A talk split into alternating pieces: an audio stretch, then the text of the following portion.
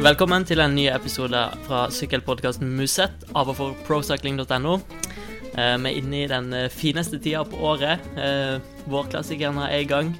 Nå med brosteinsåpningen i Belgia med omlopp Het Newsblad og Kyrne Brussel Kyrne. Og da har vi selvfølgelig veldig masse å snakke om. Theis Magelsen og Simon Nesler, velkommen. Men skal begynne? Skal jeg begynne? Jeg kan begynne. Uh, jo, tusen takk, Knut. Det har vært, uh, det har vært en helt nydelig helg, syns jeg. Jeg merket uh, lørdag morgen våknet med sånn sitring i kroppen. som bare kommer med brosteinsåpningen i Belgia omlopp et nyhetsblad. Så nei, det er deilig å være sykkelsupporter for tiden. Ja, veldig, veldig fint å komme i gang med de rittene. det er jo kanskje de rittene som ligger nærmest hjertet for ganske mange sykkelfans, og det er alltid et høydepunkt i året. Um, får vel bare starte på, på lørdag, da. Uh, omløpet Newsblad uh, ble en uh, ganske spennende affære. Og en, eh, en eh, Ja, det var jo Jeg, jeg syns vi fikk det rittet jeg hadde håpet på, egentlig. Jeg syns det var et, et, en god utgave. Med, med en sånn eh, flott uh, sekstett mot slutten, med et par navn som var litt uventet, og så et par navn som var forventa at skulle sitte der. Og eh, så blir det avgjort på et eh, strålende vis, hvor eh, Team Wellens først eh, går eh, angriper med tre kilometer igjen, vel, cirka. Og så er kanskje Golden Greg van Amat litt for het på grøten og skulle dekke litt for mange angrep. Og visste vel alle i den gruppa der at han var den beste spurteren òg, så da ble det mye ansvar på han. Og så gjør Stenek Stybar alt riktig. Går på kontraen rett etter at Greg har kjørt inn angrepet til Wellens, og så stopper det opp, og så får han endelig, da Endelig får Stenek Stybar den eh, store brosteinseieren eh, i, hvert fall jeg og veldig mange andre, og selvfølgelig han selv også, har ventet på så lenge. Ja, eh, men har egentlig van Avermaet veldig mye annet valg når Vellens først går? Vellens går jo òg veldig Ja. smart all den tid han går på andre sida, sånn at van Avermaet må ta mye, mye luft uh, sjøl. Men uh, det høres ut som du er veldig uenig, Knut. Altså, vi er såpass tett på mål der, og at eh, han kan tåle å vente litt og se om Stybar gidder å ta den. Ja, men Hvorfor skal Stybar gidde å ta den når eh, alle vet at Avermaet tar den spurten 99 av eh, 100 ganger? Nei, men hvis han, hvis han ikke tar den, da Greg kan spille iskald og bare vente, og hvis ikke Stybar tar den, så tar Velensen den, og da taper de begge. Da hadde jeg tenkt var bedre. Nei, men jeg, synes han setter seg i en vanskelig posisjon når han uh, Uansett, altså selvfølgelig er det alltid vanskelig når du er den klart beste spurteren, alle vet det.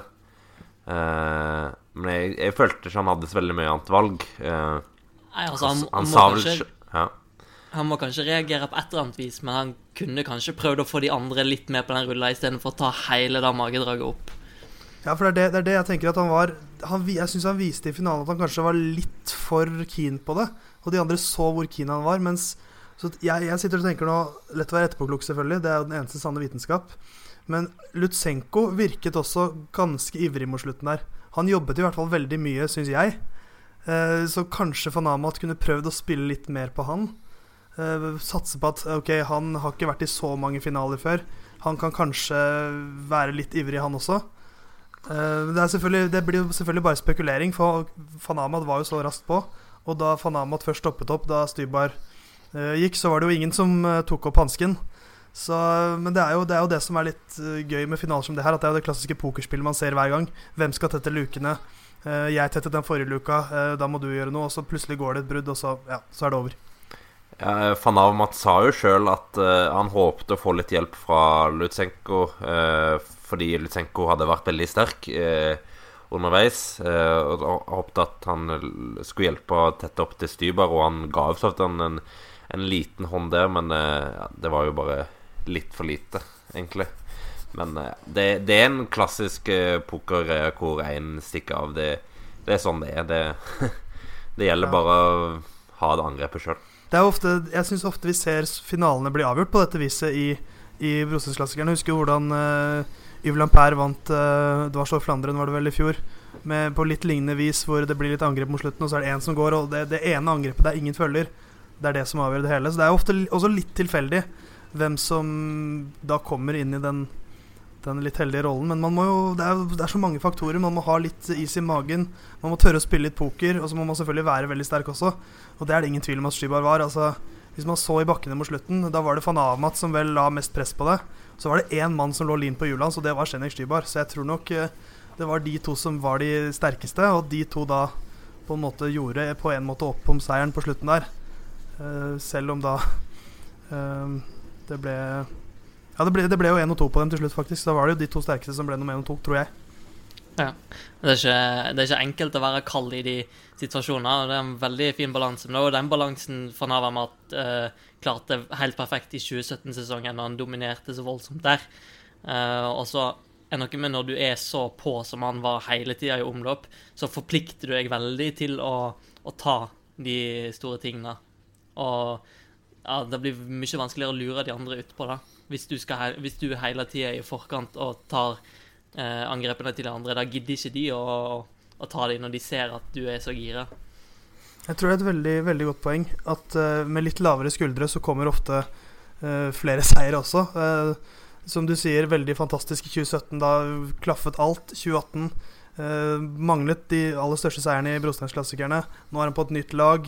har veldig lyst til å bære fram det laget som den lederen han er i det laget, med press på seg. Vet at nå må han vinne.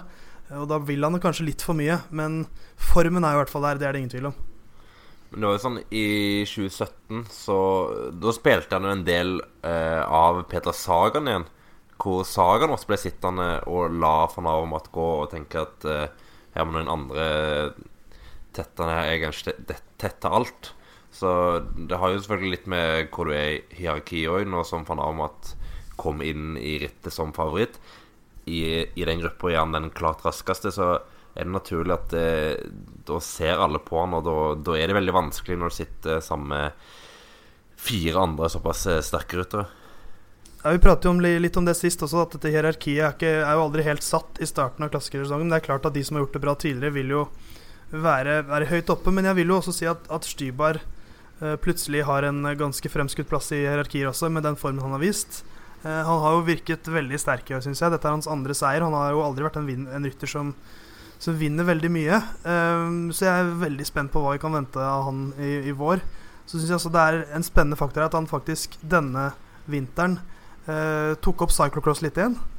Uh, det har han ikke gjort på en del år. Han syklet en del ritt, ikke de helt store resultatene. Men, uh, men han hadde en sånn sakte progresjon. Han startet ofte ganske langt bak i griden også, fordi han hadde dårlig rangering.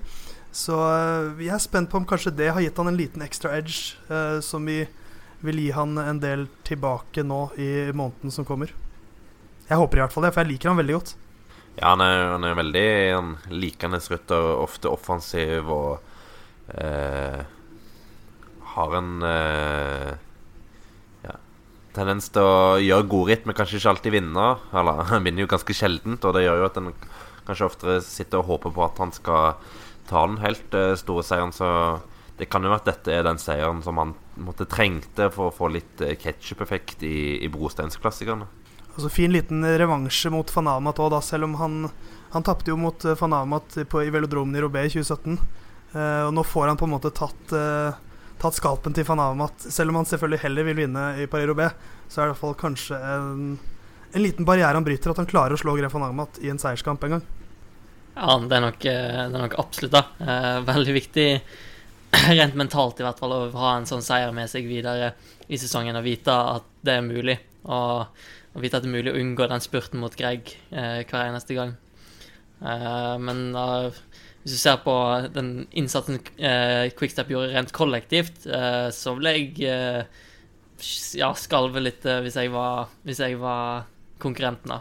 For de var med på alt. De var i forkant hele veien, akkurat sånn som de, sånn som de pleier. Men de var representert i, i, alt. Og hvis de fortsatt sånn, da blir de veldig vanskelig å hanskes med eh, i øvrige klassikere.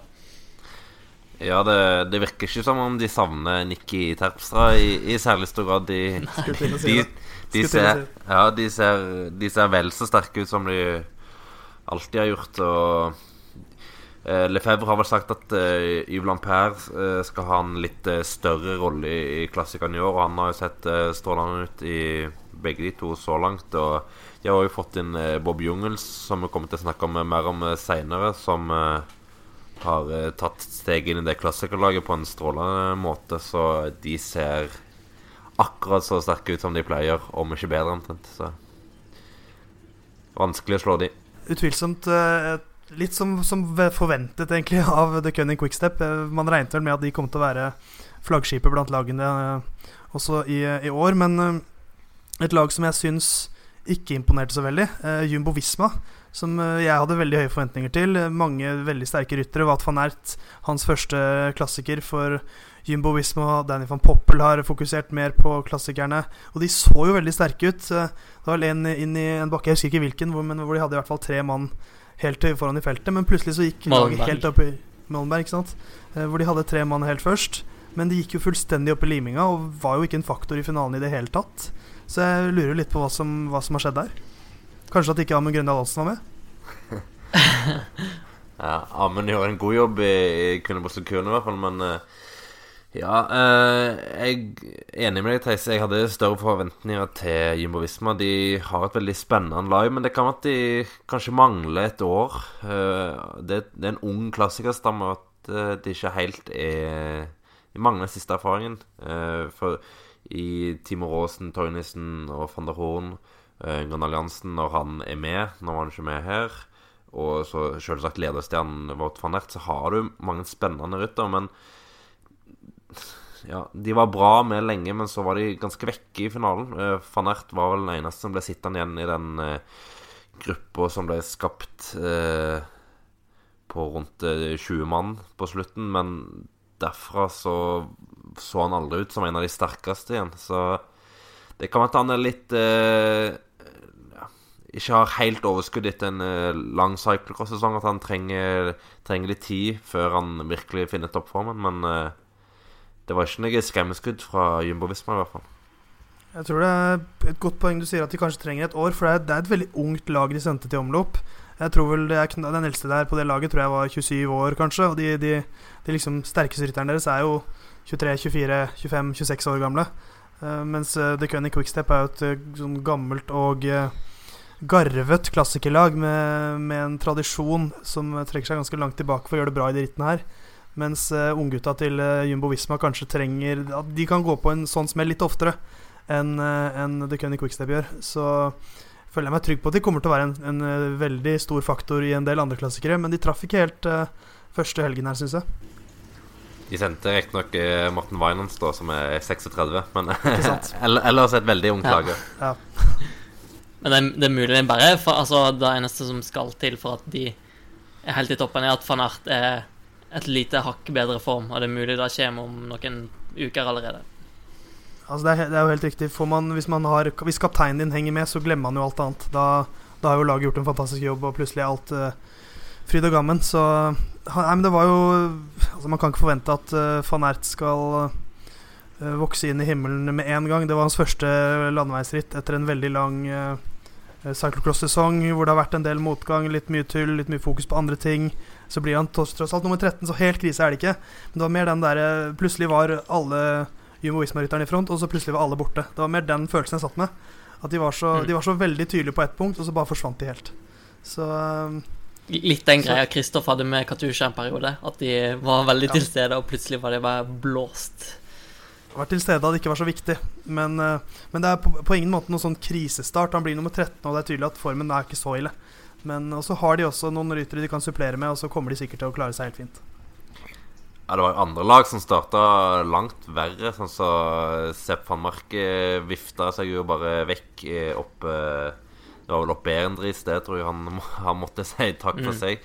Eh, han virka jo rimelig langt eh, unna sitt beste.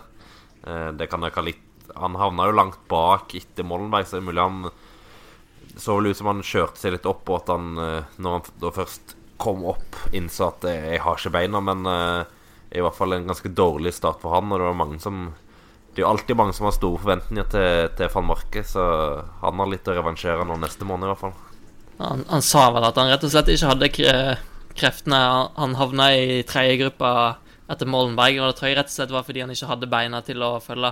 Og så sa han at han brukte kreftene sine til å kjøre Langeveld opp igjen, frem til bedre enn Berendris. Det er jo litt overraskende, kanskje, syns jeg, for mange altså, Han vant jo nettopp en etappe i Tore Hotvar like før, ja, og så var, hadde han vel uh, fire-fem stjerner hos de aller fleste eksperttipsene. Vi hadde vel fire stjerner på han i vårt uh, tips på procycling.no, og vi traff jo ikke så veldig bra der. Men, uh, men ja, Eller kanskje han bare tenker at jeg har veldig lyst til å vinne Flandern rundt, så jeg dropper omlopp. Uh, lar Langeveld kjøre der, for uh, hvem var det som sa det sist uh, episode? At du kan ikke vinne omlopp og Flandern i samme år. Og vi vet jo alle hva som er viktigst. Så van Marke kommer etter hvert, han. Det føler jeg meg trygg på. Nei, det er vel ingen som har vunnet omlopp og, og Flandern rundt i, i samme år, så det er en, det er en prioriteringssak, det, ja. I hvert fall min konspirasjonsteori. eventuelt unnskyldning som de kan bruke hvis de vil. Jonathan Waters, du får den gratis av meg. Jeg vet ikke om det var like begredelig eller enda mer begredelig hos eh, Trekk Segafredo. Eh, Jasper Stoiven, Mats Pedersen, Edvard Toynes på start, ikke Jon Degenkolb. Men, eh, var de med i det hele tatt? Hæ? Var de med i det hele tatt? Mm, står på resultatlista, i hvert fall. Så um, ah, hvis, vi forhold, hvis, vi forholder oss til den, så Men ja, jeg vet ikke hva, hva, hva vi skal si om det, hva som skjedde der. 40.-plass på Jasper Støyven, ser jeg. Det er, jo, mm. ja, det er jo ikke det man hadde forventet. Og de har jo også, Når du leser opp de navnene der, Knut Det er jo klasseryttere, det her. Det er jo ryttere som, som, er gode for topp ti, alle sammen. Så jeg vet ikke hva som har skjedd der, jeg. Støyven sto vel over Kyrne, så jeg lurer på om han er litt sjuk eller et eller annet. Men uh... Han har meldt litt uh, Han meldte at han uh, fikk litt feber natt til søndag, så de spekulerte litt på om han òg var litt sjuk på lørdag, da. Men uh, Steven de Jong, sportsdirektøren, var jo rimelig kritisk, for å si det sånn. Han uh, var klar på at det er mange steg som må tas før, uh, før San Remo om de skal kjempe i toppen av klassikerne. Sånn som, sånn som de skjøt på, på lørdag, for da, da var nivået rett og ikke bra nok. For en ting er hvis, hvis liksom Stoiven Ok, det er kanskje kapteinen deres, men hvis han er sjuk, det, det unnskylder jo ikke prestasjonen til de andre. Uh, Edvard Tøyens blir nummer 54. Uh, Pedersen blir nummer 105. Det er jo ganske Det ikke, lukter ikke svidd av det. Ja. Uh, Mats Pedersen var vel i sammenbrudd som Bystrøm. Nå ble jeg plutselig usikker på om han òg røyk i den belten. Ja, det er godt mulig. Men uh, ja. Men, men, uansett, da, det er jo sånn typisk at, at, at, alt går imot et lag som kanskje ikke er i så veldig god form, mens de som er i god form, der klaffer alt. Og da er det jo det, det, de kan ikke bare gjemme seg bak uh, sykdom og uh, uhell, altså. Er det mulig de bare brant seg på uh, dårlig form og være litt for tidlig ute, sånn som Pedersen? Han var tidlig med på de støtene der. De har i hvert fall nok å, å, jobbe med. så det er nok ikke veldig god stemning i klassikerstallen der. Og så hjelper det vel også litt å få tilbake Dayen Colbelt etter hvert, får man håpe. hvis vi hopper litt tilbake til på den positive sida med lag, eh, Lotto Sodal med Velens eh, koikelære og eh, Tirspenot. Tirspenot. Eh, det er litt sånn eh, skumle under radaren-trio. Eh, ja, Koikler har jo gått ganske hardt ut og meldt at han har lyst til å vinne et World Tour-ritt nå i løpet av, uh, løpet av denne klassikersesongen. Uh, og han har sett ganske bra ut i begge de to rittene denne helga, han. Vellens kjører vel ikke mer brostein nå, uh, før han hopper vel over klassikersesongen før Barbanse Pilma. Og så har du Benota, som jo krasja ut og ja, var ganske sår og sto over kurene, kurene, så jeg vet ikke en bra trio i, i Hetten Dysblad, men det ser kanskje ikke så, så lyst ut etterpå igjen. jeg, så, jeg, så, litt på uh, Velens uh, sin historikk, og han, han, siden han ble proff i 2012, så har han nesten utelukkende bare sykla kuperte ritt, Ardenner-ritt og sånt. Uh, så har han gjort det bra i Binkbank-tour, hvor de har hatt avslutning i Gerhardsbergen og sånt. Men han sykla omløp for første gang i fjor, og da ble han nummer 69. Høy. Ikke verst. Og så Der døde Simon. Simon lener seg langt tilbake og er skammer seg sånn over at uh, vi kan ha sånn humor, Knut. Ja, det er elendig humor. I hvert fall. Uh, men med tanke på den prestasjonen i omlopp, så de burde jo Altså, han er jo absolutt en fyr som kanskje kan kjempe om seieren i Flandern. Burde jo sendt han dit. Han var jo veldig hypa før omlopp i fjor, uh, men da Ja, da ble det ikke noe av av fordi ja, det ble vel pga. det ble så eh, et venteritt i så stor grad. Eh, men absolutt, han har jo kvalitetene, eh, og han Sånn så Hvis Jungels kan gjøre det bra, hvis Nibali kan gjøre det bra Altså Den type rytter, så kan jo selvfølgelig Vellens gjøre det bra. Men det er jo en Det ble jo en ren prioriteringssak da foran. En kan jo stille seg spørsmål ved det, all den tid han aldri har vært veldig bra i Ardenner-klassikerne. Ja, det er ganske betimelig å spørre. Nå skal han videre til Strade Bianche, som han eh, har gjort det bra i før. Eh, og så er det Tireno og Catalonia før Bobanzepil. Men det hadde jo gått an å skippe, skippe de etapperittene i, i, mars og gjort noe, gjort noe annet for å få inn Flandern i kalenderen. Ja, altså det er jo mange som kjører Det er jo mange som kommer til å kjøre en eh, både brostensklassikerne og en del av denne klassikerne. Så Valgren skal gjøre det, Sagan skal jo sannsynligvis kjøre til Liège. Valverde skal innom brostensklassikerne.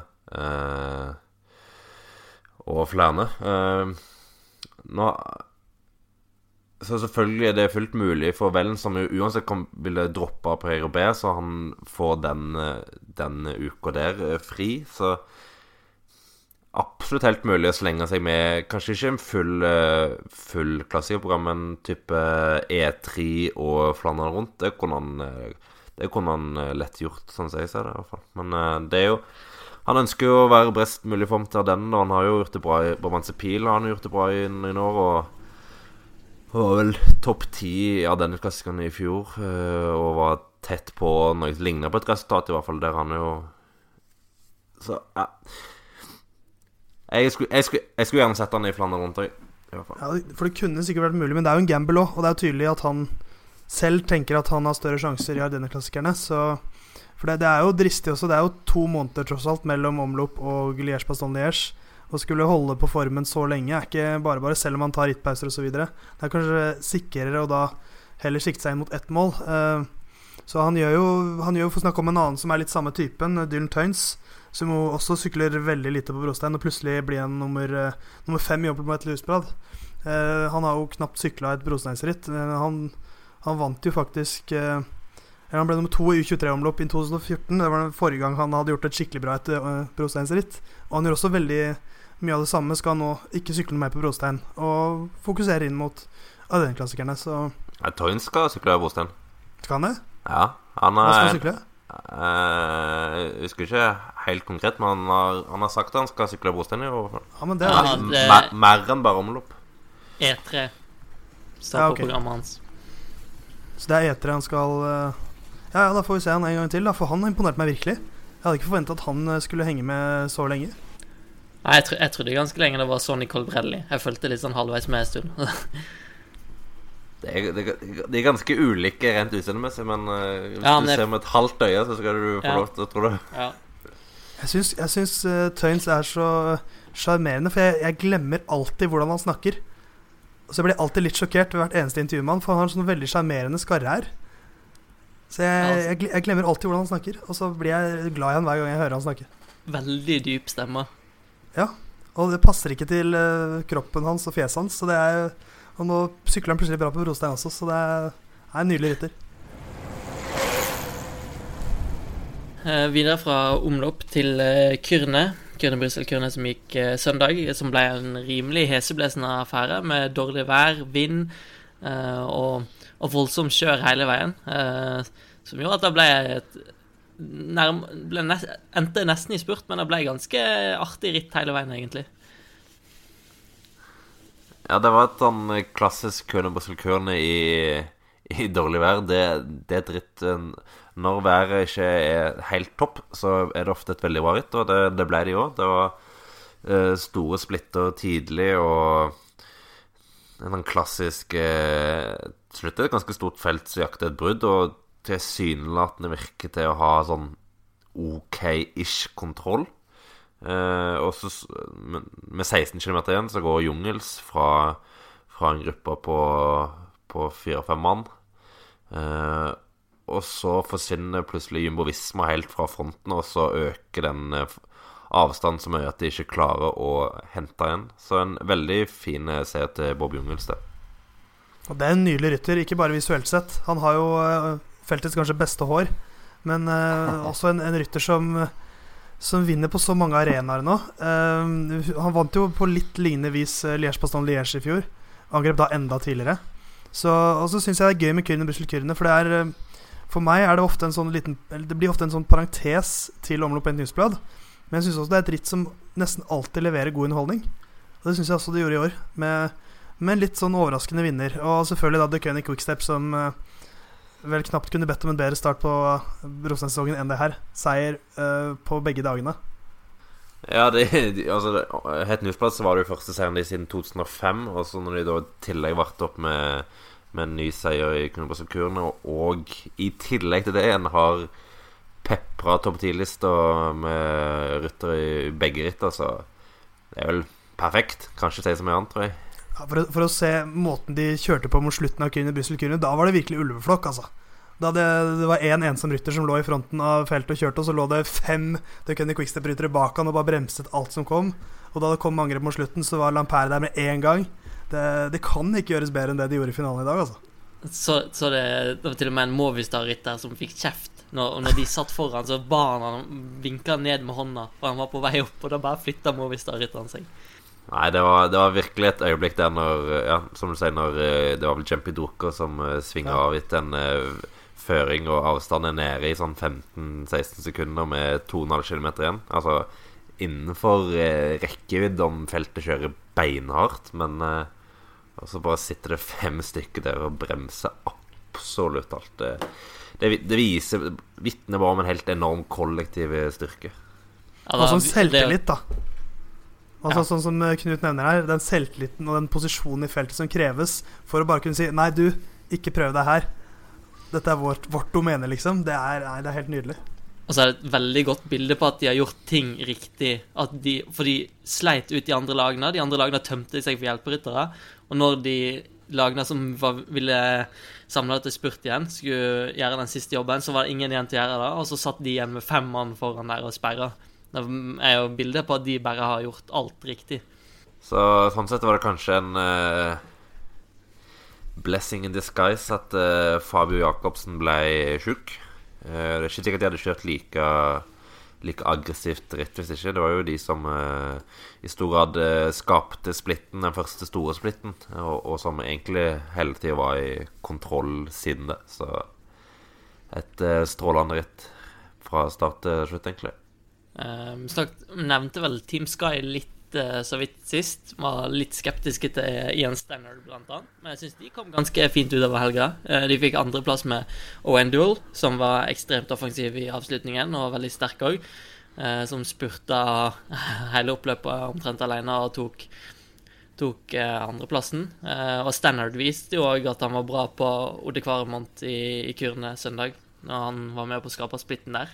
Så jeg syns de kom ganske godt ut av det uten å ha de sterkeste ressursene. da. Ja, de kom, de kom, godt fra det. De var jo uheldige med van Barle som eh, velta på, på lørdag. Han ble jo er jo nummer 14, eh, men han eh, har jo skada seg i, i fingeren, så han var på vei til Manchester nå for å bli undersøkt av en spesialist der. Så han kjørte ikke kun muskelkurene.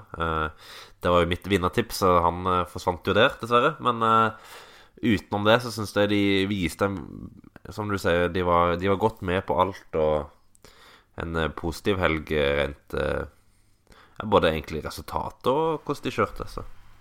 Ja, og Veldig sterkt av Owen Dool. Han var ganske aktiv i omlopp også. Der ble han nummer, nummer 11 i fjor. Uh, ikke like høyt plassert i år, men han var jo fortsatt ganske bra med, syns jeg. Så blitt 25 år gammel, hans tredje sesong. Eh, utvilsomt en veldig kjøresterk rytter. Har jo OL-gull fra, fra, Rio. Eh, de får Luke Rowe inn etter hvert. Eh, satser på Dylan van Barle. Kommer seg Yogi Stannard. Virker å være i godt humør. Og, så de har en del spennende ryttere, egentlig. Som kanskje ikke er de største favorittene, men som garantert kommer til å sitte med ganske dypt inn i disse vårklassikerne. Altså.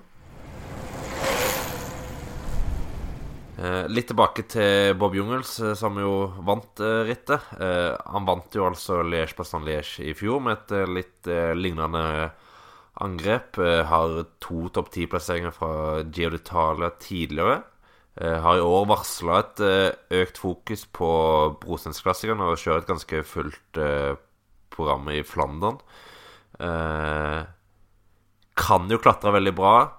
Har en veldig god tempostyrke. Har vunnet på Eirobert U23 før. Er han en mulig kandidat til å vinne alle fem monumentene, Theis? Han er utvilsomt en, en kandidat, og det, det, er jo en av kanskje de bedre kandidatene. Han er også ganske ung, eh, 26 år gammel, så han har fortsatt ganske mange år på seg. Men eh, Så han har jo klart én allerede, Liège-Paston-Liège. Tenker kanskje at det er den som for en rytter som han var lettest å vinne, uten at det er lett å vinne en, eh, et så stort ritt. Uh, men uh, det er mindre tilfeldig på en måte enn Flandern rundt og Paris-Roubais. Der må du ha en, en, pose, en, pose, med flaks også. Uh, I Lombardia Han kan klatre, det vet vi. så det kan han sikkert få til hvis formen treffer. Men jeg sliter litt med å se at han kan klare å vinne Milano Sanremo. For jeg føler ikke han er eksplosiv nok til å komme seg alene. Og jeg tror han må komme seg alene inn på Via Roma hvis han skal ha noen sjanse. For han er jo ingen strålende spurter. Ikke sånn krise heller, men det er så mange eksplosive ryttere i det, i det rittet der, så han kommer alltid til å få med seg en eller annen som jeg føler han vil tape mot.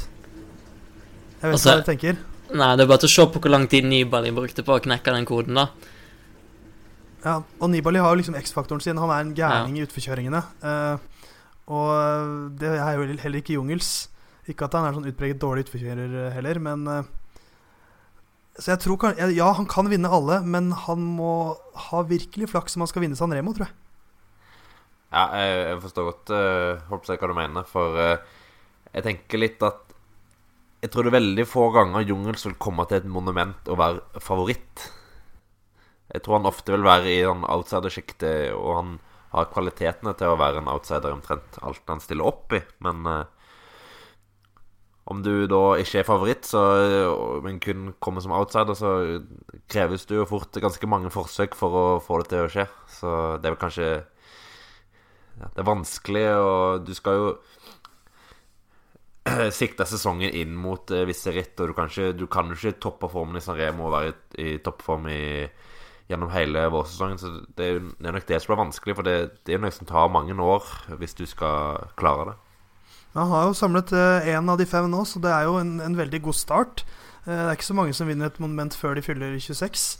Så uh, han har absolutt muligheten. Og så er jeg litt sånn han, han, kan veldig Han er god på veldig mye, men ikke best på noe. Det er jo som du sier, Simon. Han er aldri den største favoritten. Og det er jo ikke alltid det er dumt å ikke være den største favoritten heller.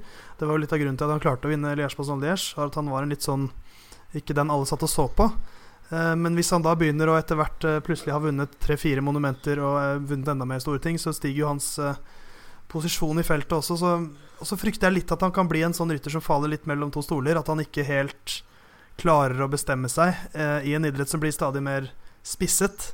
så er det jo fortsatt tydeligvis mulig å lykkes veldig godt som en litt allrounder. Men, men jeg er spent på karrierevalget hans nå. Om han fortsatt skal prøve liksom prøve litt Grand Tour kombinert med brostein, Liège, Paston Liège og Ardenne-klassikere og sånn, så blir det veldig mye å skulle rekke over. Det kan bli smør som skrapes utover for mye brød, altså.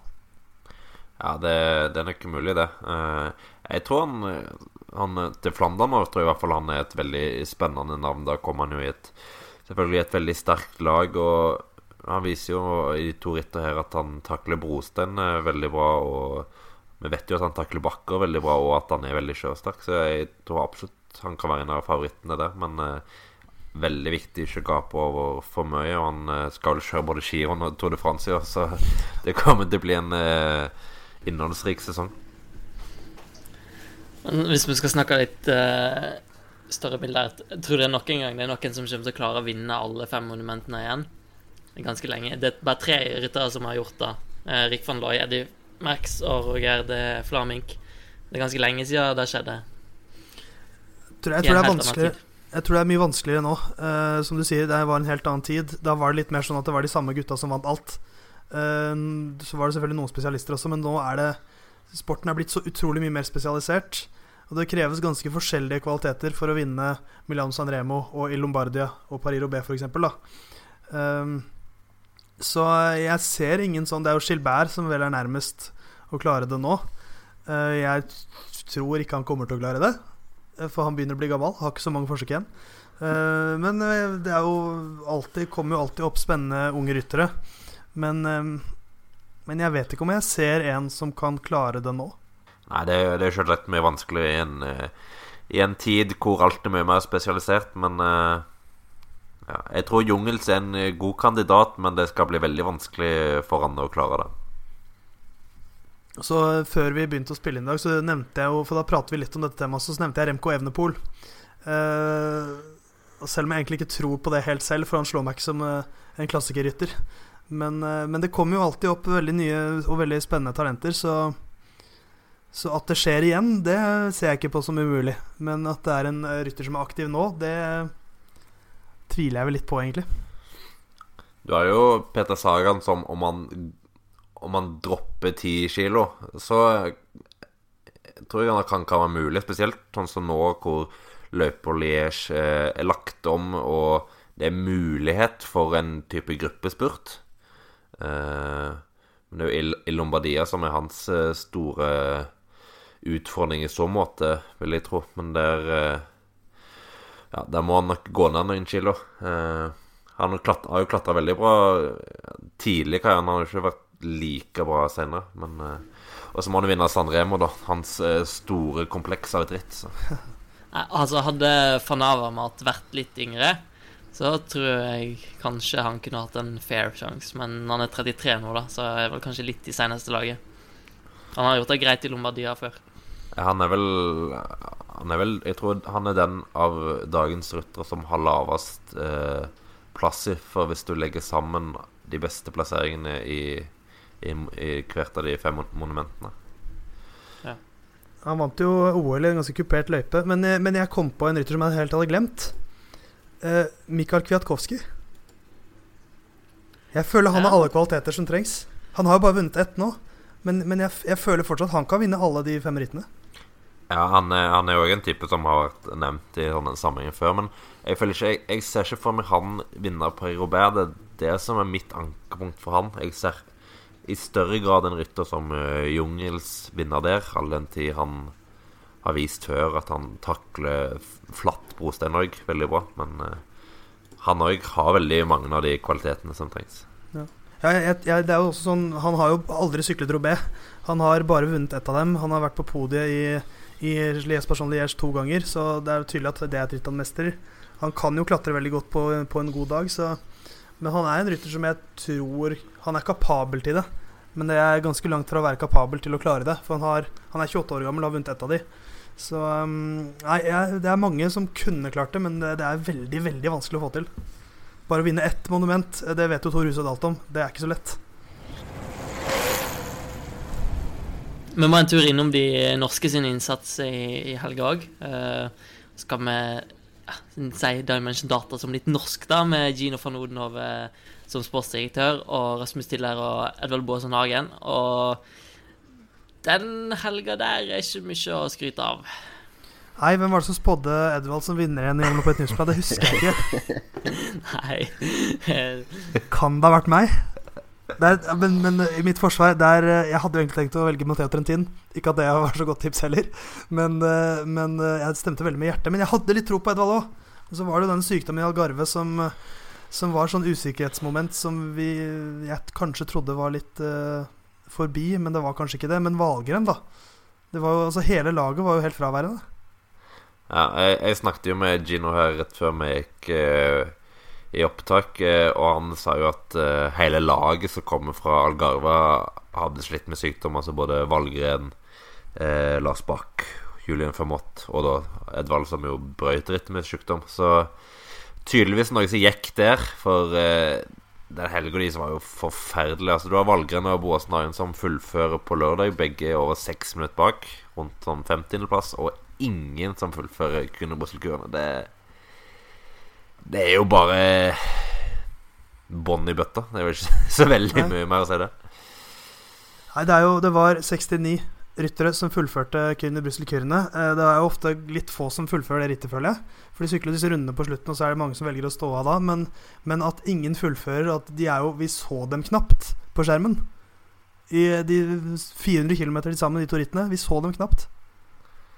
Ja, du, du så Valgren og Båsen Hagen et par ganger eh, i omlopp. Eh, Edvald hadde vel et lite angrep der som han gikk etter. Ja, jeg tenkte Ja. først og fremst på at du så det i gruppe tre etter, etter Ja, Mollenberg. det- det, det det. Stansted. jeg.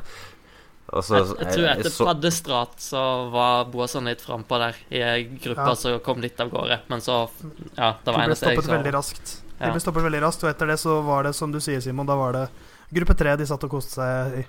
Så, eh, men, men det er klart, sykdom er jo en meget viktig faktor i toppidretten, så det er jo en Hvis, hvis begge lederne dine er sjuke, da står du litt på bar bakke.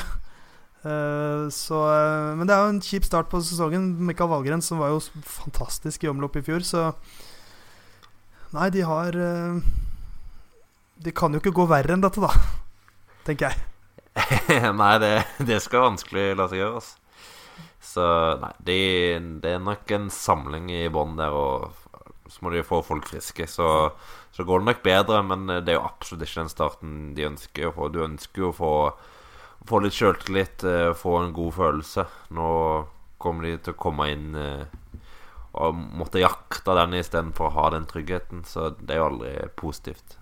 Ja, For jeg syns, Valgren har vært virka litt tam så langt. Nå, hvis han blei sjuk, så, så er han jo blitt sjuk, men, eh, men det har ikke vært stort så langt. Så han skuffet meg i, Tour Under.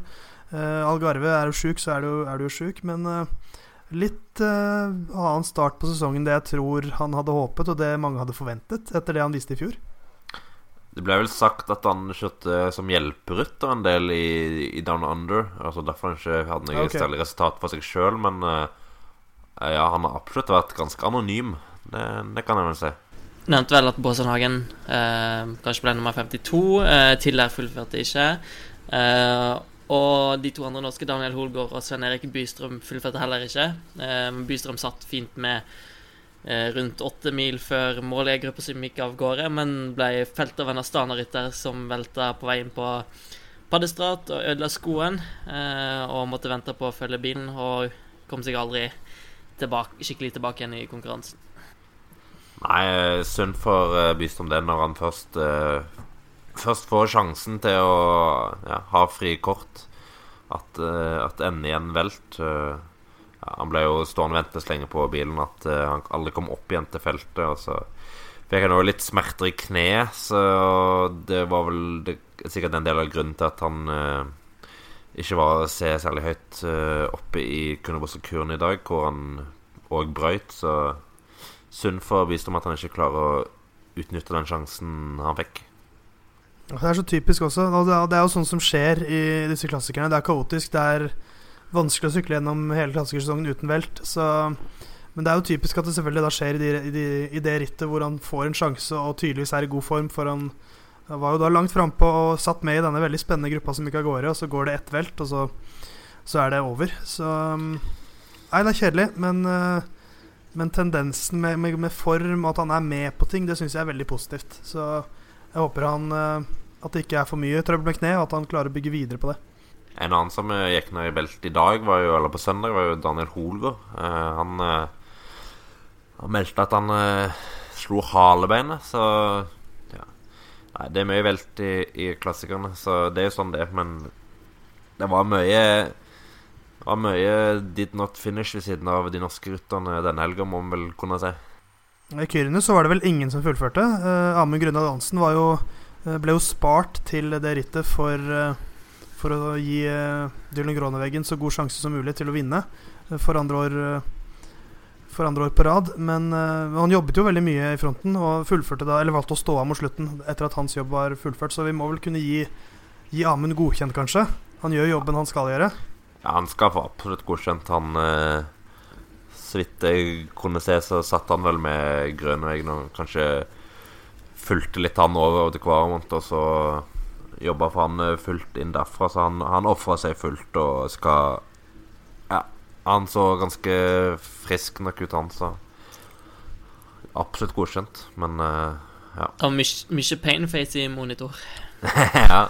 Det var, jeg, det var sånn med seks mil igjen, så var det det, det smerteansiktet. Jeg lurer på, du, Hvordan orker du dette, Amund? Men han holdt det gående lenge, og så ble jo Grønneveggen nummer fire til slutt. Eh, den sure fjerdeplassen. Eh, men han var best av spurterne. Så vi må vel kunne si at det var Hadde de klart å samle det, så plutselig hadde de stått med seier, og da hadde Jumbo Visma hatt uh, en brukbar åpningshelg. Så det, det, er små marginer i det gamet her, men Men Amund får godkjent i en litt sånn, litt sånn trist norsk helg i klassikerne, må vi kunne si. Fra ikke så gode prestasjoner på herresida, så var det langt mer å glede seg over fra damene sitt uh, omlopp et newsblad. Uh, Stine Borgli og Vita Heine satt med gruppa som kom inn bak vinneren Chantal Blak, og Borgli spurta inn til en 15.-plass, mens Heine var på 23.-plass. Og i omløp van Hage, Het Hageland, eller hva heter det? Van Het Hageland. Van Het Hageland, ja. Eh, søndag så var Borgli igjen frempå, men ny 15.-plass. Hun og viste seg jo bra frem i Setmana Ciclista Valenciana tidligere i februar òg. Og ja, må si at hun imponerer ganske bra for tida, vel?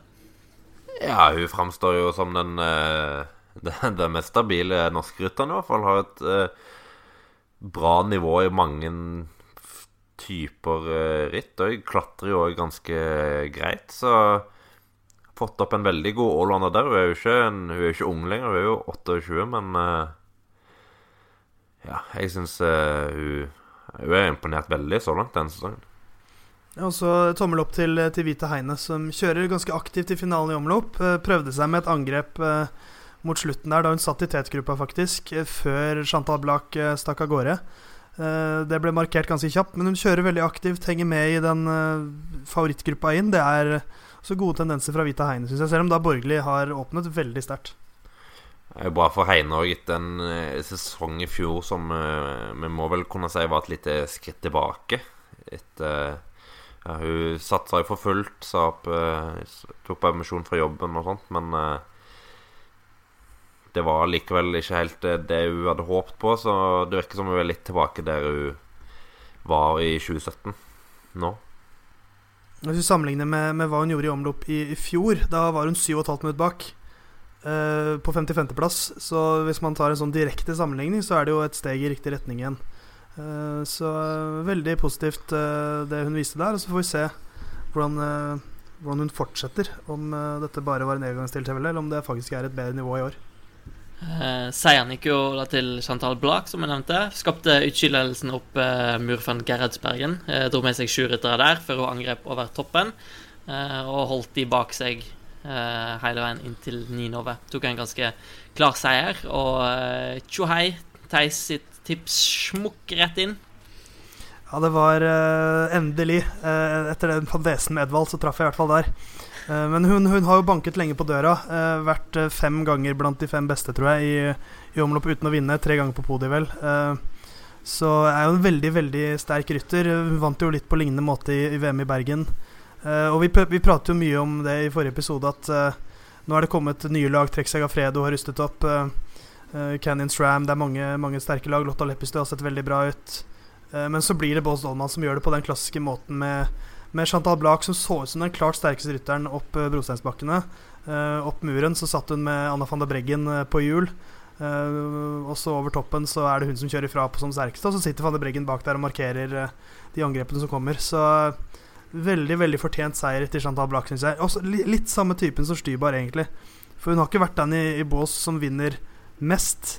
Hun har jo fått en ganske pen, pen CV etter hvert, med, med VM og og vunnet Gent Wevelgem, Amstel Gold Race osv. Men hun har ikke vært den som vinner mest. Så jeg, ble, jeg syns det var en veldig flott uh, seier til Chantal Black. Andreplass ble jo til uh, Bastianelli fra Virtu, som vi må vel si at hadde en ganske bra helg. Det danske laget med Emilie Moberg på laget. Bastianelli spurte inn til seier på, i omløp fra Het Hageland på søndag. Ja, det er vel rimelig kurant, det. Uh, vant og spurten i hovedfeltet i et nyhetsblad og vant etter en uh, uh, Hva skal man si En spurt som det er mulig å diskutere i Fanny Hageland, hvor hun jo Oppløpet er jo siste 50 meterne i en sving.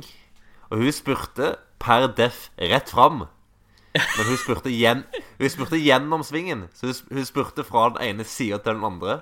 Mens Lotta Leppestø prøver å komme seg eh, Hun ligger på innsida eh, eller på utsida, hvis du så hun Leppestø har yttersvingen til De Bastianelli, som gjør at eh, Bastianelli stenger hun. Så han litt sånn på grensen spurt, selv om hun per def holder linja si rett fram. Så han blir jo langt spurt for Leppestad, men Lea Kirchmann, som blir nummer tre, kommer jo på inneren, så hun har den korteste veien til mål. Så jeg håpet jo at, at det hadde vært veldig gøy hvis hun som kom på inneren, bare plutselig stakk av med seieren. Fordi de to andre var så opptatt av hverandre. Men, eh, men Leppestad var vel ikke sånn Var vel en halv sykkellengde eller noe sånt bak eh, Bastanelli. Så det kan vel hende at selv om hun hadde spurtet litt mer fair, så hadde hun kanskje vunnet allikevel. Men, men hun, holder, hun holder seg vel akkurat innafor, syns jeg. Det er jo litt spesielt å ikke ønske å ta den korteste linja til mål. Ja. så nei. Og så når Hun vant i hvert fall. Hun har ikke blitt deplassert, så Nei. så ble det. Nei, En ting er at Leppestad var litt bak, men spurten hennes blir jo veldig forstyrra. Når hele tiden må skyve utover på den måten. Så jeg syns det kunne blitt forsvart med en eh, deplassering der. Jeg, tror- det er det som Simon sier i starten, at hun spurte faktisk rett fram. Ja. Hadde hun fortsatt rett fram, så hadde hun bare truffet uh, gjerdene. Det er det som er utfordringa. Så hun spurte rett fram helt til hun må svinge. Men det er jo ingen tvil om hva hun gjør der. Men, uh, men jeg syns det er innafor. og, og hun får jo en strålende start på sesongen. Da hun ble europamester i fjor, så var hun jo en liten overraskelse. Det var ikke mange som regnet henne som den store favoritten da.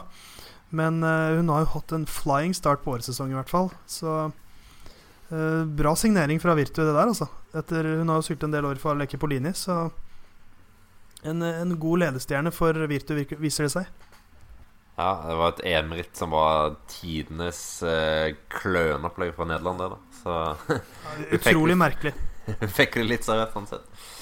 Men eh, jeg syns Susanne Andersen òg skal ha mye skryt for innsatsen hennes i rittet. Nå, nå har vi til og med avbrutt podkasten med, med at jeg måtte intervjue Eller ikke måtte, jeg var høyst, høyst eh, valgfritt. eh, men jeg snakket litt med Susanne, eh, og hun var jo ja, godt fornøyd med sin innsats. Og hun var virkelig ja, i angrep omtrent konstant den siste timen. Så det er veldig spennende å se på hun i dag. Uh, hun Litt annen rolle enn Altså, i Hightech har hun jo vært en kaptein, men uh, her så lærer hun Går litt i gradene, og det, da er det fint å se at hun ja, både tar den læringen det er ved å gjøre det, og har en eh, så god og sterk dag at hun er med på å skape rittet. Så veldig positivt, det.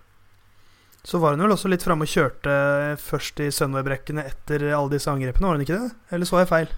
Ja, hun, hun kjørte Hun kjørte jo konstant, følte jeg. Men eh, Ja, hun sa, hun sa det at hun ga et eh, siste lille push, som hun sa, Ja. eh, på slutten, for å få lagkameratene helt i posisjon på slutten. Så Så får de en tredjeplass til slutt, og altså, det er jo på, på en måte godt for henne også å se at liksom, hun jobbet veldig mye, og så fikk de en, en rytter på podiet, i hvert fall. Eh, selv om det ikke ble seier. Så hadde den svingen bare vært litt lengre, så kanskje Kirchmann hadde fått en enda kortere vei. Og da kunne det gått. Men, eh, men eh, veldig, veldig god, god start, syns jeg, for, for Susanne. Som viser seg ikke bare veldig kjøresterk, men også at hun klarer å prege rittet i ganske stor grad, selv om hun bare er eh, 20 år gammel. Nå har vi jo både her og i Valenciana kjørt eh, Kjørt som hjelper, eh, men allerede neste ritt, i Ronde van Drenthe, om det er vel en toke det, så, så får hun egne sjanser. Så nå har hun vist at hun, hun er oppofrende for sine lagkamerater. Eller lagvenninner, heter det kanskje, for i kvinnesyklingen. Men eh, Så da er det håp om at eh, de òg returnerer den eh, Returnerer det til, i Drenthe om to uker. Har funnet en ny tabloid-favoritt på, på resultatlista til van Het Hageland. På 19.-plass Daniela Gass.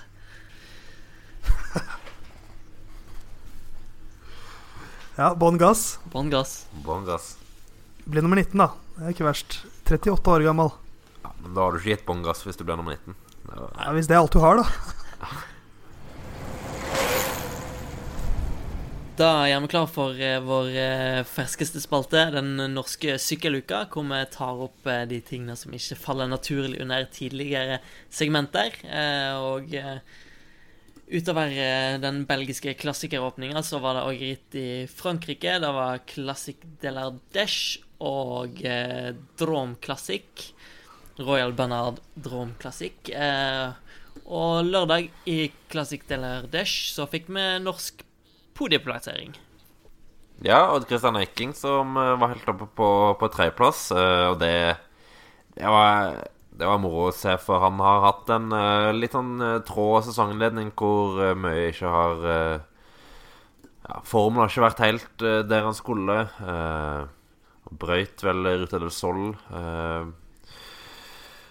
Men eh, så var det litt trening. Litt uh, rittgjennomkjøring, så plutselig var han der i toppen igjen. Så det var veldig fint for Eiking. Og det, det, han sa jo det òg, at han, han, trengte å få den. Eh, det var godt for sjøltilliten. Han er et lite enigma, ass. Odden, altså. Er ikke lett å spå hva han leverer. Nei, det er, Men, Nei, han- men det er jo det, det er alltid det er så utrolig gøy når han da leverer. For det er så Oi, shit! Eiking på tredjeplass. Det er jo strålende. For han, det er jo et veldig høyt nivå der.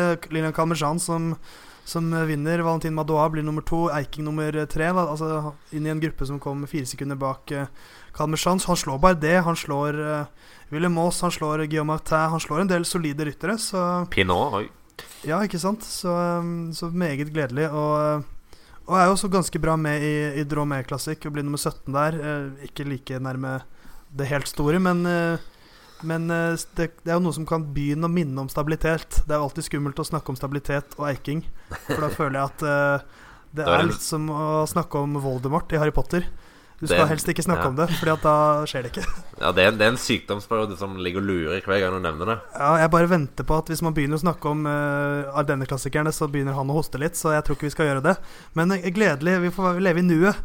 Uh, og glede oss veldig over den tredjeplassen. Men han var jo ikke den eneste nordmannen som eh, hadde noe håp å, å rope hurra over.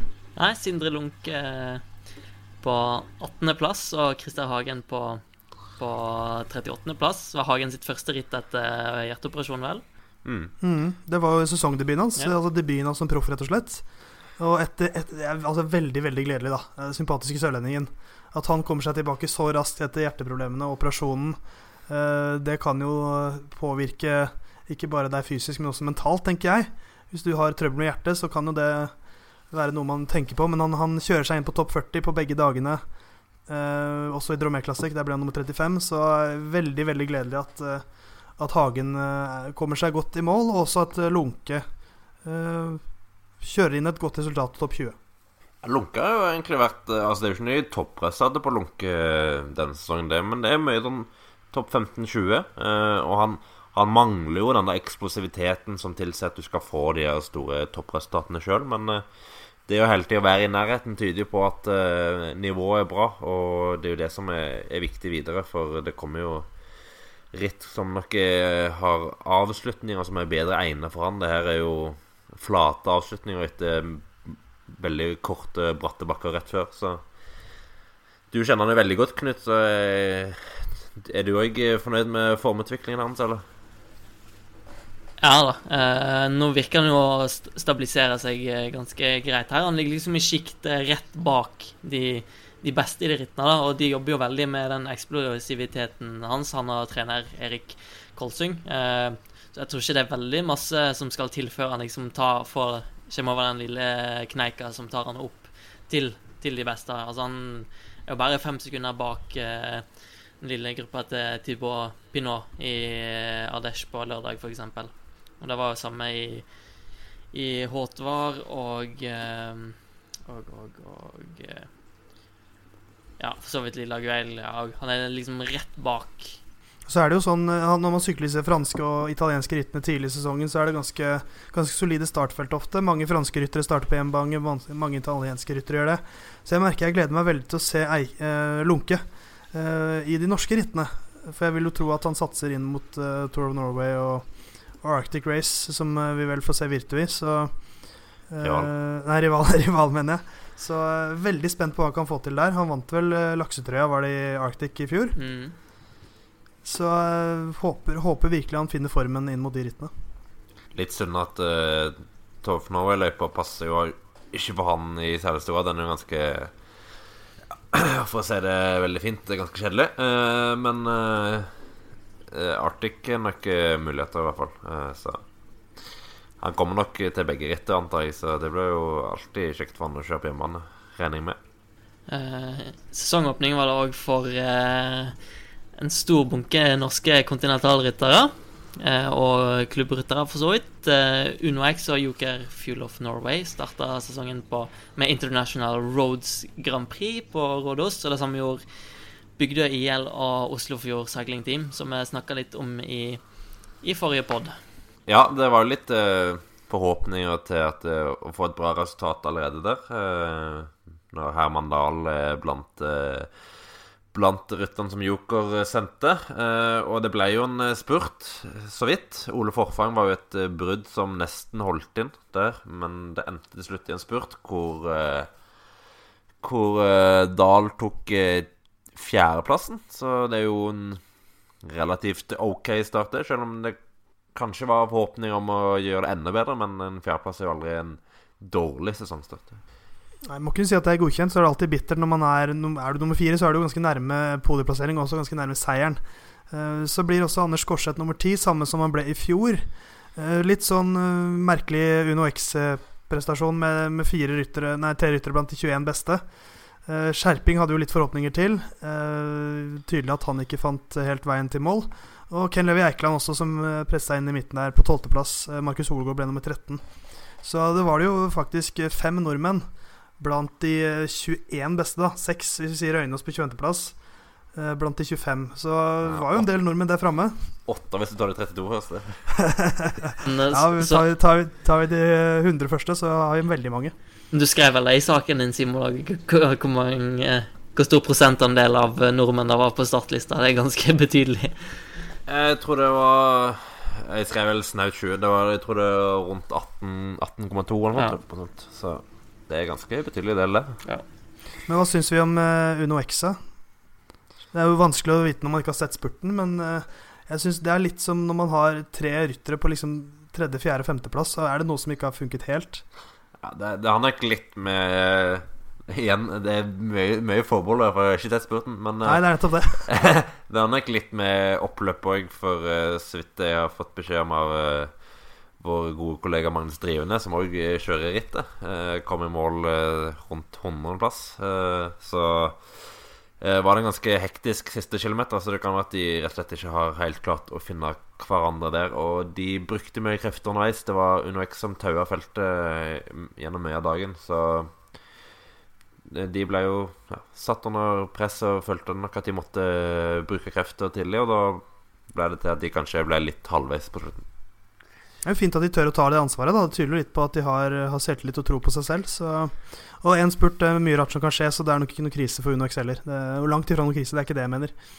Men, eh, men gledelig med Dahl. Han starter sesongen meget bra. Vi surfer videre på uh, spaltebølga og går, uh, går til hyllest og slakt og da har jeg forstått det sånn at vi starter med deg i dag, Simon. Og så kan jeg lene meg tilbake, for jeg har fri denne uka. For å si det sånn. Heldig, heldig. Uh, ja, uh, det er litt å velge mellom her. Vi kan ta Nils Pollitt som trosser alle oppfordringer og kjører på sykkelsti varmt og ble diska, Og Stefan de Nifel, som jo dessverre eh, har innrømt bloddoping. Det er jo aldri kjekt å høre om. Men vi velger å gi det til arrangøren uh, av Omlopp Het Newsblad, eh, som for så vidt skal ha kred for at de har et kvinneritt som de òg gir mye oppmerksomhet. Det skal de ha ros for. Men planleggingen var jo ikke den beste, for de starta relativt likt. Det var Ni minutter etter så skulle de starte, eh, etter herrene. Og så skulle de kjøre de samme, samme veiene i starten, de første par milene.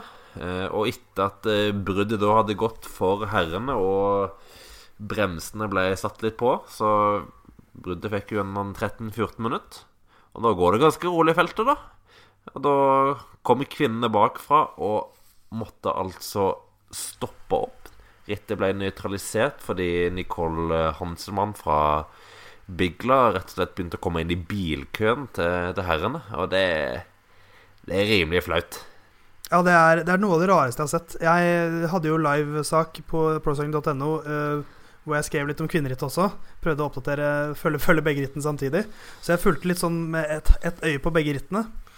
Eh, og så så jeg jo at Hanselmann var i brudd, og plutselig så jeg at det lå noen biler foran. Uh, rittbilen kjører ved siden av henne. Kommissæren begynner å liksom si med, vifte med hånda og si 'du må sykle saktere'. Det var liksom den beskjeden han prøvde å gi til henne. 'Du må sykle saktere'. Og så ender de opp med at de nøytraliserer det. Så det er liksom sånn de, Det er jo som du sier, Simon, de, de, de mener godt. Fordi at de, de, gjorde veldig mye riktig. De hadde lagpresentasjon sammen med, med herrene og damene. Eh, det var liksom veldig sånn enhetlig, det hele, og det skulle være ganske tight målfinish også. Men det ble litt for tight, fordi at ifølge de offisielle rittprogrammene så skulle det altså være ni minutter mellom starten av eh, herrerittet og kvinnerittet. Og det er ikke mye, altså. Det hadde kostet dem så lite å bare kjøre et kvarter ekstra, så det hadde gått fint. Men ni minutter, hva har de tenkt? Nei, det, det er merkelig. Eh, det, det, så jo helt komisk ut bare når de ender opp det. Og Selvfølgelig, Da får Du en del sånne reaksjoner på at ha-ha, menn sykler så, så treigt og sånt, men det handler jo mer om eh, rittdynamikk og sånt, og kvinner har mye kortere ritt, så, så, det er litt sånn det er. Men det er jo først og fremst arrangøren som har beregna en altfor, altfor lav margin her. Eh, så jeg kunne til en viss grad kanskje forstått det om det var et eh, For de sykler jo på en del av de samme bakkene. Om det var plutselig midt ute i rittet at det skjedde at eh, noen lå langt foran noen lå langt bak tidsskjemaet. Men her er det ganske tett på start. Og så starter du med så liten margin til å begynne med. Så de har gjort det vanskelig for seg sjøl. Og da Nei. Det, det bør være mulig å enten sende dem på en litt annen vei, som jeg forstår at det var kan være mer komplisert å gjøre hvis du all den tid du skal i noenlunde samme retning. For, å unngå å stenge for mange av de samme veiene. Eh, men eh, hadde vært fint med bare, bare kvarter, bare 20 minutter, så hadde det vært nok. Og den bilkøen til herren er jo såpass lang at den tar et par minutter uansett, så Nei. Det, det kan bli bedre, for å si det mildt. Fra Negativt til positivt. Theis Magelsen, hva har du til oss? Ja, jeg har fått æren av å dele ut uh, ukens røde startnummer. Uh, og det er gjerne å komme, kom gjerne med forslag hvis du har uh, en rytter eller en sykkelrelatert greie som du mener fortjener enten ros eller ris. Joar Flatland har gjort det på Twitter. han foreslo Daniel Aas. Uh, som er jo en nylig rytter. Han var veldig sterk i omlopp et newsblad. Uh, hang nesten med denne gruppa på fem mann da som uh, gikk inn. og han håper at han kan ta en Johan van Sommeren i årets Paris-Roubais. Og det hadde jo vært en, en, en fin mann, det, men, men, jeg har valgt å gå litt annen vei. tidligere i år så ga vi et rødt startnummer til Peter Sagan. Fordi han var en god lagkamerat og trakk opp Sam Bennett og ukens røde startnummer går til en nordmann, og det går til Alexander Kristoff. For makan til opptrekksgutt, det skal du lete lenge etter. Fordi opptrekken han leverte til Fernando Gaviria i uh, UAE Tour, det var uh, fra en hylle som er ganske høyt oppe, for å si det sånn. det ble jo bare én etappeseier og to andreplasser. Men spesielt det opptrekket på den siste etappen lukta det svidd av. For der kommer de gjennom siste svingen, og så er det egentlig en ganske dårlig posisjon de har. Uh, Roger Kluge, Adam Blythe og Caleb Ewan har første posisjon gjennom siste sving, som vel var rundt 500 meter før mål. Uh, Roger Kluge svinger ut. Adam Blythe begynner sitt opptrekk. Alexander Kristoff er langt bak. De starter opptrekkene sine ganske likt. Men uh, Blythe blir ydmyket av Kristoff. Altså, han, han, har ingenting å svare med. Kristoff trekker Gaviria fram, så blir det ikke seier. Det blir eh, Sam Bennett, han nevnte Bennett tidligere, som, eh, som stikker av med seieren. Men så fullfører Kristoff spurten også og blir nummer fire. Den spurten der, altså, og det opptrekket, det er uh, verdt et rødt startnummer til deg, Aleksander. Ja, han skal ha veldig mye kred for den jobben han har uh, gjort der nede. Uh, helt fri for noen nykker, har gjort jobben eksemplarisk. Og vi, vi snakket jo litt om sånn topp tre opptrekkere i verden. Jeg tror vi kan trygt innlemme Kristoff i, i den eh, trioen der, for det han har levert eh, på de tre forsøkene i Uetor, har vært eksemplarisk gang etter gang. Og spesielt det at han tar uh, timing og sånt med en gang. Det, det er ikke gitt, det. Uh, når han tross alt har uh, livnært seg som spurter gjennom hele livet. Så jeg er veldig imponert over de opptrekkene han har levert. Han, altså si, Han er jo som skapt for den jobben. da. Altså Han er ekstremt god på å komme seg i posisjon, og har en enorm kapasitet som Altså, den uh, typen styrke han har, passer liksom perfekt i den biten som opptrekker, sånn som han gjorde når han kommer fra 400-500 meter og bare feier oppløpet. Ja, eh, altså den spesielt altså den siste etappen der, da viser han hva slags beist som bor i han. Altså for det, det, er helt vanvittig. Eh, jeg så Velon delte noe data om, om wattverdiene hans. Eh, han hadde en innsats der på 27 sekunder de siste 400 meterne. Snittwatt på 1080. Eh, og en makshastighet på 66,2 km i timen, som var bare like bak det Gaviria og Bennett leverte. Så Eh, det er nesten sånn at jeg tenker at hadde de kjørt for Kristoff, så hadde han nesten vunnet. Altså, for det, det var en veldig sterk Kristoff-utgave vi så der. Akkurat på den etappen så syns jeg han så sterkere ut enn Gaviria. Ja, han var jo litt, litt sjølkritisk faktisk til det opptrekket, for han mente jo at uh, Han mente jo at uh, de, siden de kommer så langt bak, så har de uh, ganske langt Ganske høy fart over lang tid, mm. og at det sånn sett tærer mye på. Men det, det får du heller gi litt kritikk til, til Troja, som, som, leder de to inn i den posisjonen de har i den siste svingen. Men Nei, det, det er som Theis sier. Hvis du bare sammenligner med Blight, og så ser du på Kristoff som ligger i ellevte posisjon ut av siste sving, og ser hvordan han bare spiser han opp. Og når du ser når han bare feier forbi og så ser du Ewan, som jo egentlig sitter i perfekt posisjon, men han, er jo sjanseløs, for han må utligne farten uh, til en annen opptrekker som kommer forbi i vesentlig større fart. Så selv om Ewan sitter og har mye mindre Mye mindre belastning enn Gaviria, som kjører fortere, så er han jo sjanseløs. Så veldig imponert. Og det som er mest gledelig, syns jeg, er at han virker å være i veldig god form. Og det syns jeg er lovende for eh, de klassikerne som skal komme. For der må de jo kjøre for Kristoff. Minus Milano Sanremo, da, får vi se hva som skjer der. Men i brosteinsrittene, der er, er Kristoff kongen i UAE. Det, der har Gavira fortsatt mye å lære. Ja, det, det må en jo tro. Uh, I hvert fall på meritter så er det jo ingen tvil, selv om Gaviria noe vil ha sitt å si i type Gent Wevelgem og sånt. Uh, men det er jo som du eh, Som ble nevnt her så vidt, at uh, det så nesten ut som Kristoff kunne slått Gaviria hadde de, hadde de spurt hver for seg. Og jeg syns jeg syns egentlig ikke Gaviria ser supersharp ut, for å være helt ærlig. Han, altså, han er jo åpenbart bra form, men jeg syns han mangler den uh, siste lille toppfarten. Og sånn så formen til Kristoff er for øyeblikket, så ja, jeg skal ikke Jeg vil ikke tro at Gavire er så fryktelig mye bedre kort på et oppløp i Milan San Remo. Egentlig, sånn som eh, ståen nå. Ja, Gaviria har aldri slått Kristoff i San Remo, så eh, jeg, jeg tror ikke Kristoff kommer til å trekke opp uh, Gaviria med like stor glede der. Nei, og hvis, du, hvis det blir et opptrekk, så blir det nok et ganske kort opptrekk. Da blir det nok type spurt fra 250 meter, så får Gaviria se om han kommer rundt eller ikke. Men uh, ja. Alex er jo veldig gira på, på, å få den sjansen når han tross alt har fått avslag i mye annet av ønskene sine. Så det er jo det, den siste lille ja, Kall det bastionen han har. Han viser, eh, viser, også hvilken stor eh, idrettsmann han er. Han, eh, når han blir satt i noe, så gjør han det. Og han gjør det fullt og helt og leverer sin lagkamerat i perfekt posisjon tre ganger. Så Alex, du får det røde startnummeret. Da nærmer vi oss slutten av dagens podkast. Nå har vi spilt den inn søndagskveld, rett i bakkant av den belgiske åpningshelga.